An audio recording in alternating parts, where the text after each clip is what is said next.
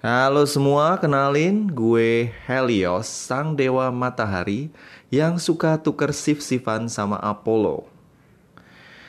Banyak yang bilang kalau gue ini adalah dewa matahari yang kepo, yang suka ngeliat dan gangguin kehidupan orang lain. Padahal gue ngapa-ngapain, gue cuma ngeliat aja. Gue ngeliat para dewa selingkuh, selingkuh sama manusia, manusia dengan manusia, dewa dengan dewa, dewa dengan binatang, siapa pun itu, gue bisa share ke kalian semua. Kali ini gue bakal gantiin si guru Kelana buat ceritain kalian kisah-kisah panas, kisah-kisah selingkuh dari para dewa. Jangan khawatir, Guru Kelana akan kembali bawain cerita buat kalian, terutama tentang lanjutan dari petualangan Theseus yang sekarang sedang bersiap untuk pergi ke suatu tempat nun jauh di sana. Petualangan baru yang begitu menarik. Ah, seandainya gue bisa bantuin. Tapi gue cuma bisa ngeliat karena gue adalah The Watcher. Eh, salah franchise yang salah, bukan yang ini. Karena gue adalah Helios, sang mak lambetura.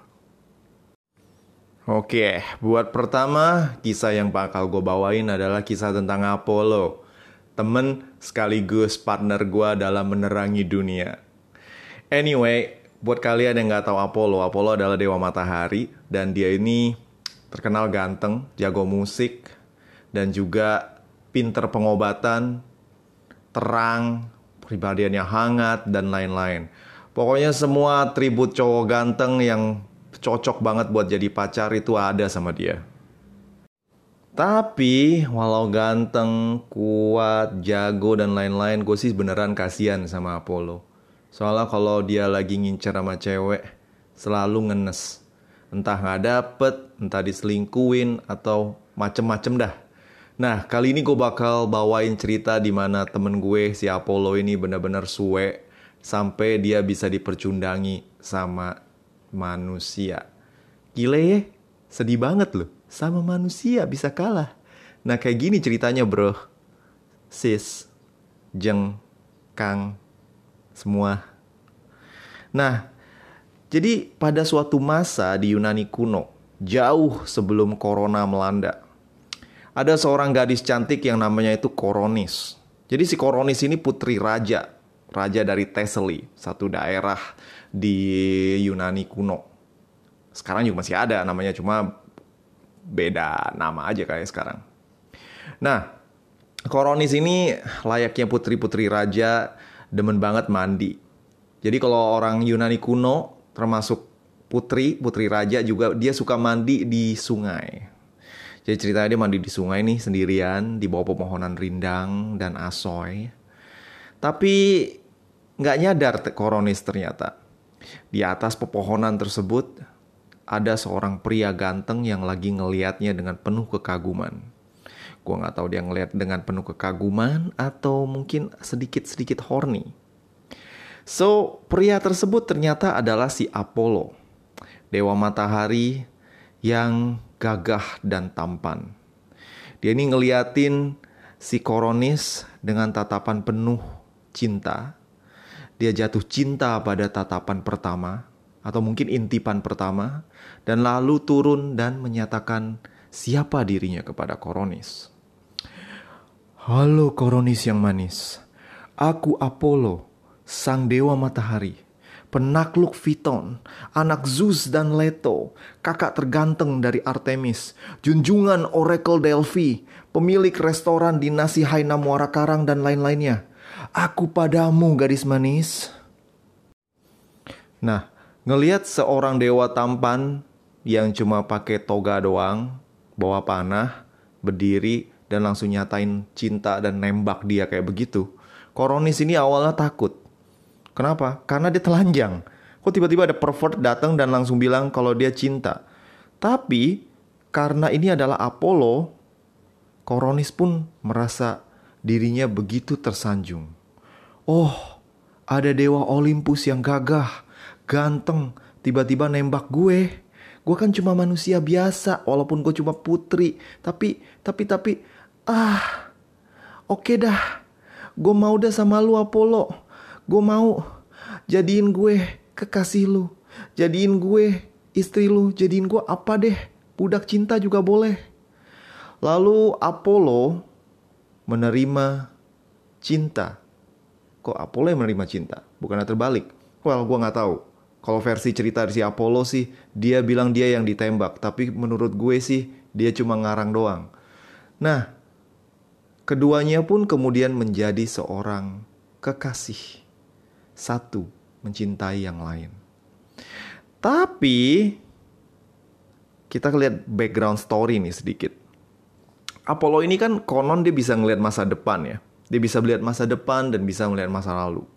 Tapi kayaknya dia karena terpengaruh oleh cinta yang membara, dia tuh jadi nggak bisa ngeliat bibit bobotnya si Koronis ini siapa. Sebenarnya Koronis ini adalah cucu dari Plegias, Raja Thessaly. Dan raja ini ternyata dulu pernah ngebakar kuil Apollo di Delphi. Delphi. Gila, kakeknya pernah ngebakar kuil Apollo di Delphi. Kuil Apollo di Delphi itu kuil paling sucinya Apollo dan pernah dibakar. Kenapa dia bisa nggak tahu ya? Hmm, cinta memang buta. Dan bukan cuma itu. Kakaknya si Koronis adalah Ixion. Ixion ini dulu pernah coba perkosa si Hera alias permaisurinya Zeus. Jadi cinta itu sudah membutakan sang dewa matahari. Entah nasib yang sudah menentukan dia sebagai jomblo ngenes atau memang dia yang memang terlalu cinta sampai akhirnya dikhianati.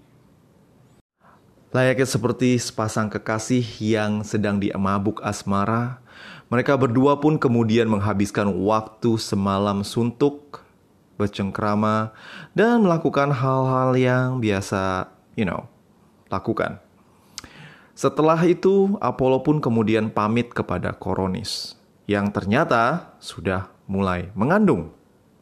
Sebelum pergi, Apollo ini karena orangnya posesif, dia itu menitipkan burungnya.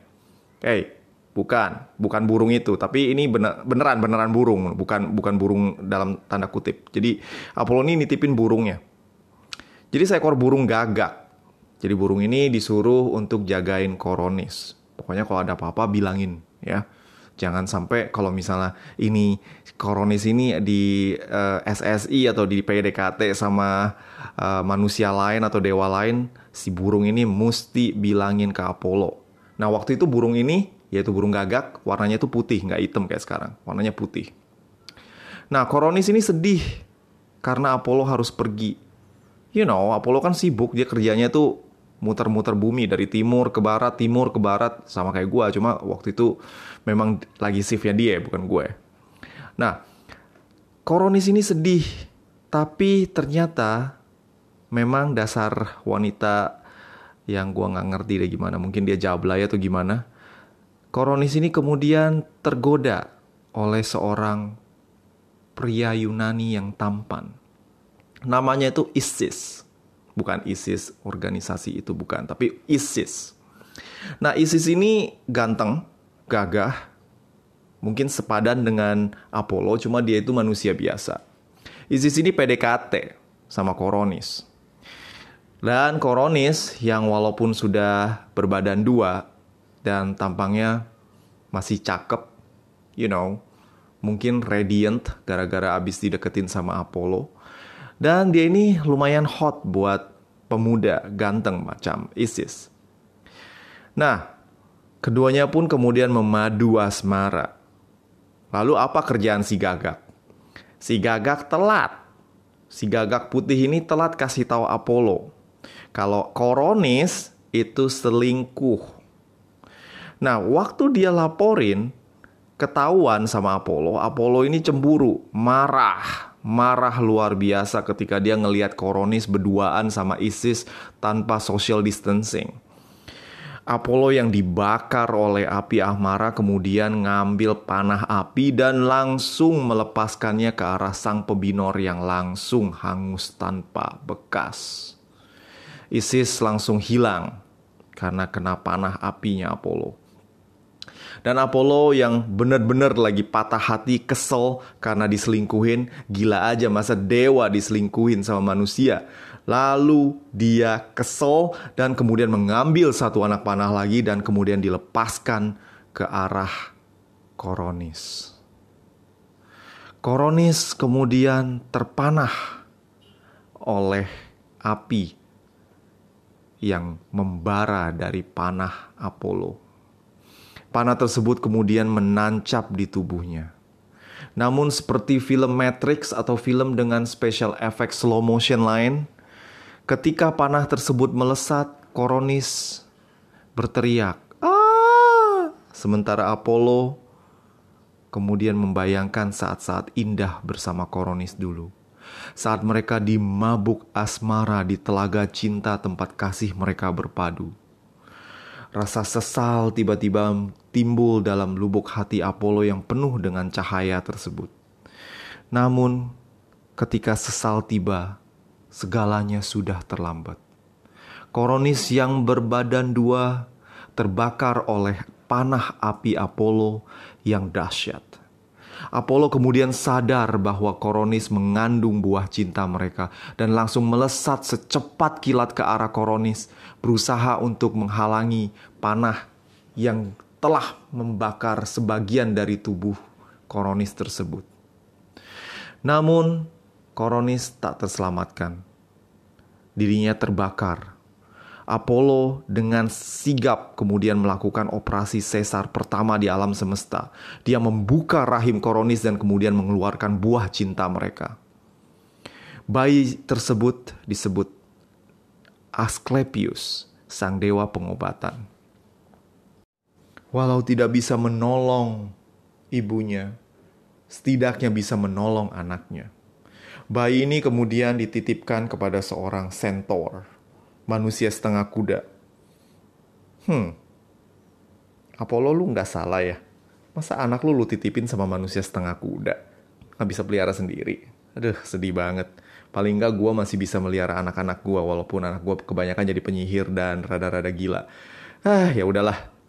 So, um, anak ini kemudian belajar ilmu pengobatan, dan juga bisa menyempurnakannya sampai level tertinggi. Asclepius, anak dari Apollo ini bisa mengobati berbagai penyakit dan konon dia bisa menghidupkan orang mati karena diberikan darah Medusa yang beracun dan juga berhasiat itu dari Athena. Nah, kehebatan Asclepius ini membuat Zeus dan Hades khawatir. Kok bisa anak seorang dewa menghidupkan orang mati? Ini namanya penistaan hukum alam. Zeus pun kemudian mengambil langkah tegas dan menyambar Asclepius dengan kilatnya. Ceder! Apollo yang walaupun jarang pulang untuk menengok anaknya marah besar mengetahui Zeus, ayahnya sendiri, membunuh Asclepius, cucunya sendiri. Sadar tidak berani durhaka melawan bapaknya, Apollo pun kemudian membunuh para Cyclops dengan panahnya. Nah, para Cyclops ini adalah produsen kilat senjata Zeus. Marah karena ulah Apollo, Zeus pun kemudian menghukum anaknya tersebut dengan mengutuknya menjadi se eh, seorang angon kambing di Thessaly. Angon kambing bro, kasihan banget. Pantesan gue mesti kerja shift waktu itu di sini. Apollo yang keras kepala menatap langit tempat Zeus berada dengan marah, namun tak berdaya karena sekarang dia cuma seorang angon kambing freelance. Sedih banget kan? Nah itu kisah pertama perselingkuhan yang gue bawa. Lain kali atau sekarang aja ya. Hmm, gimana? Eh, Guru Kelana, gue masih ada waktu gak nih? Satu cerita lagi. Uh, ya udah dah. Ya, bolehlah. Satu lagi lah, satu lagi. Oke bro, thanks ya. Sebelum kita selanjutkan dengan cerita dari perselingkuhan para dewa, ada sesuatu yang pengen gue bagiin kepada kalian semua. Nah, jika kamu adalah podcaster baru atau berencana untuk membuat podcast kamu secepatnya, gue pengen ngebagiin alat yang gue pakai untuk menghasilkan uang lewat podcast gue. Namanya itu Podmetrics. Podmetrics adalah platform yang membuat kamu dapat memiliki kontrol penuh tentang bagaimana kamu bisa mendapatkan uang lewat podcast kamu. Kamu bisa melakukan banyak kolaborasi dengan brand-brand yang terkenal dan juga bisa memilih produk atau jasa yang cocok dengan pendengar podcast kamu. Platform ini juga memberikan kamu tips dan contoh tentang bagaimana membuat iklan secara tepat untuk mendapatkan penghasilan yang maksimum. Ditambah lagi, kamu juga dapat melihat berapa banyak pendengar kamu dan juga dapat menghitung berapa banyak penghasilan kamu. Dapatkan uang kamu juga dengan sangat mudah. Jadi, kalau kau seorang podcaster, pastikan kau mendaftar dengan link tautan di deskripsi box dalam episode ini dan gunakan kode referral saya mitologi santuy. Jadi kamu juga dapat menghasilkan uang dari podcast kamu. Nah, kisah kedua yang pengen gue bawain kepada kalian adalah kisah perselingkuhan yang melibatkan para dewa. Kali ini, dewa dengan dewa. Kalian tahu Hephaestus kan? Kasihan si Hephaestus ini. Hephaestus ini adalah anak dari Dewi Hera. So, dia ini dari lahir aja udah malang. Kenapa? Karena dia lahir dari Hera yang, you know, semasa hidupnya selalu diselingkuhi sama Zeus. So, dia kesel banget dan kemudian dia melahirkan anaknya sendiri tanpa bantuan daripada Zeus. Gile. Nah, masalahnya karena dia ini suka marah-marah, anaknya yang lahir itu juga mungkin kebawa sama amarah bapaknya, eh mamanya, sorry. Dia terlahir buruk rupa. Hera ngeliat anaknya itu begitu jelek, sedangkan kalau Zeus dia melahirkan, Zeus ini kan bapaknya Athena yang cantik dan perkasa. Ketika Hera mau melahirkan anak sendiri malah anaknya jelek. So dia ill feel, marah dan langsung dilempar itu bayi dari Gunung Olympus dan mendarat di Pulau Lemnos dengan posisi kaki pincang karena jatuh nabrak gunung. I know sounds weird, but di dunia kita hal-hal seperti ini biasa terjadi. Nah, Hephaestus kemudian tumbuh menjadi seorang pandai besi level dewa yang pandai buat berbagai senjata dan peralatan yang berharga. Jadi kita nih para dewa Olympus nyambut dia itu dengan baik. Kita suka sih habis gimana bikinannya bagus kok. Dia ini akhirnya kita jadikan dewa pandai besi dan api. Dia keren bro, lu kalau minta dia bikinin senjata, dia bisa bikin senjata yang benar-benar keren dan bagus. Gue sendiri waktu itu pernah minta dia bikinin, you know, topi supaya lebih terang gitu uh, sinar gue. Hmm, lain kali gue bakal pesen apa lagi ke dia ya. Huh. Oke, okay. lanjut ke cerita para dewa Olympus ngerasa kalau misalnya Hephaestus ini sudah banyak jasa. Hera pun emaknya sendiri ngerasa bersalah. Kemudian dia ngejodohin Hera. Si Hera ini ngejodohin, ngejodohin Hephaestus sama dewi paling bohai dan paling cakep sejagat raya yaitu Aphrodite, sang dewi kecantikan. Nah sebenarnya sih ya nggak cuma buat ngasih penghargaan ke Hephaestus sih. Sebenarnya karena si Aphrodite ini rada-rada sombong dia, terlalu sombong. Jadi untuk dibikin supaya dia itu lebih you know, lebih ngebumi lah. Akhirnya dia dinikahkan dengan dewa yang buruk rupa. Beauty and the Beast.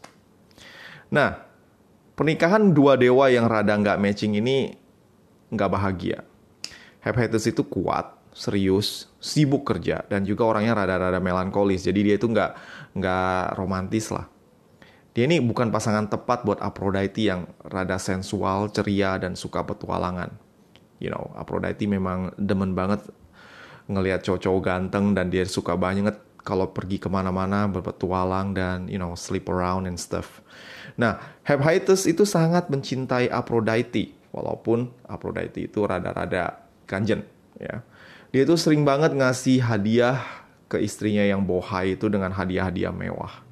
Ada kalung emas permata, apartemen, saham PT Antam, atau sampai Subway pun diantriin sama dia. Nggak usah nge-grab, dia bilang. Gue yang antriin dah, lu mau pergi daripada lu uh, capek-capek nunggu, gue yang antriin.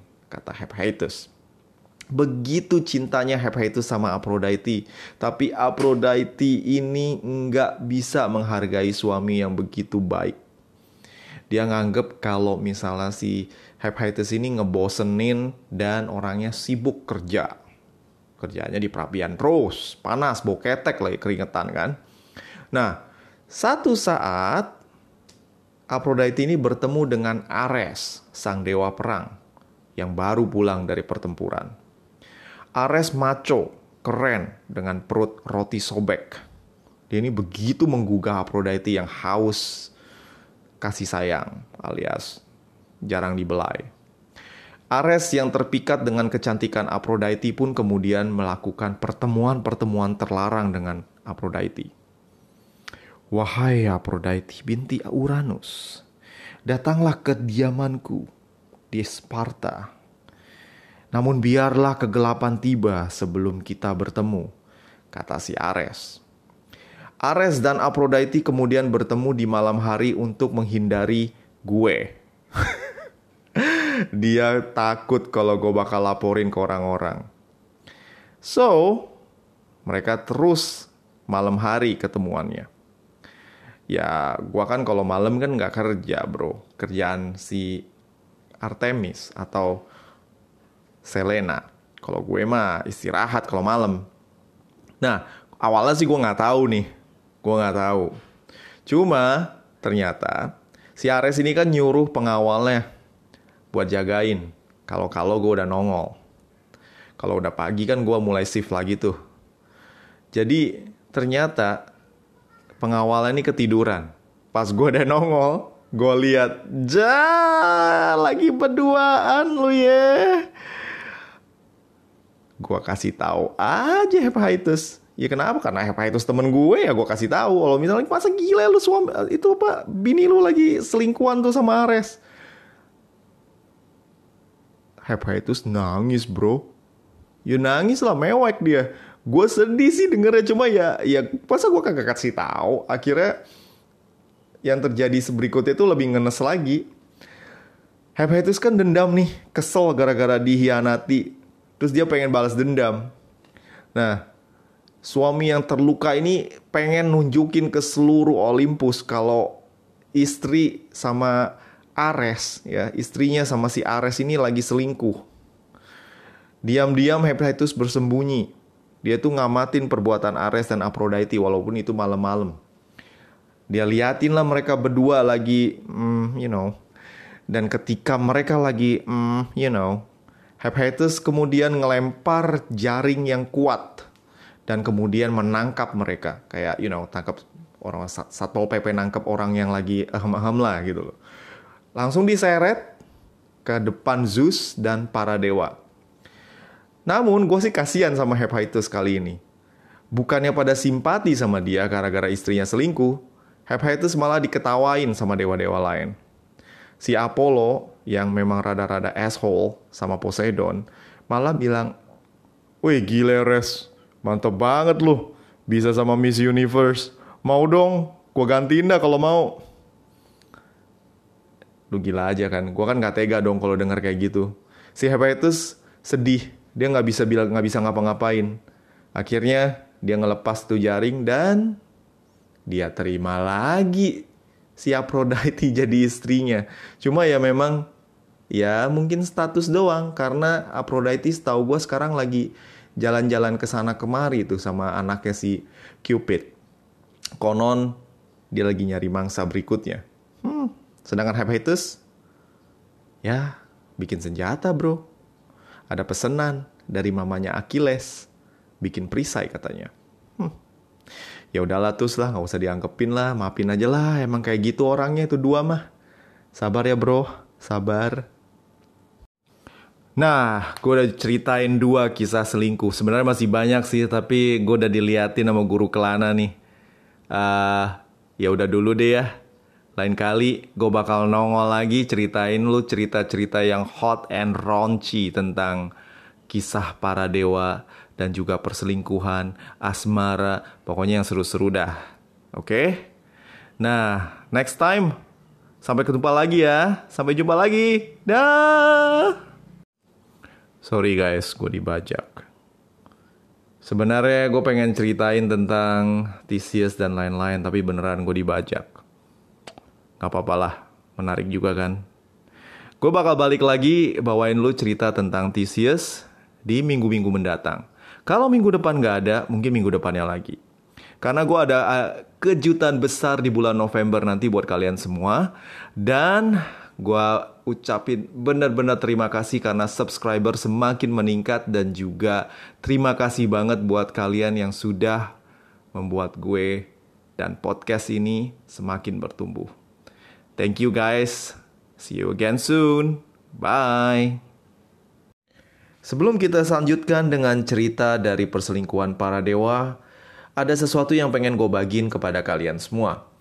Nah, jika kamu adalah podcaster baru atau berencana untuk membuat podcast kamu secepatnya, gue pengen ngebagiin alat yang gue pakai untuk menghasilkan uang lewat podcast gue. Namanya itu Podmetrics.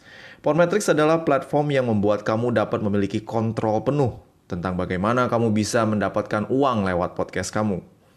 Kamu bisa melakukan banyak kolaborasi dengan brand-brand yang terkenal dan juga bisa memilih produk atau jasa yang cocok dengan pendengar podcast kamu. Platform ini juga memberikan kamu tips dan contoh tentang bagaimana membuat iklan secara tepat untuk mendapatkan penghasilan yang maksimum. Ditambah lagi, kamu juga dapat melihat berapa banyak pendengar kamu dan juga dapat menghitung berapa banyak penghasilan kamu. Dapatkan uang kamu juga dengan sangat mudah. Jadi, kalau kau seorang podcaster, pastikan kau mendaftar dengan link tautan di deskripsi box dalam episode ini dan gunakan kode referral saya, mitologi santuy. Jadi kamu juga dapat menghasilkan uang dari podcast kamu.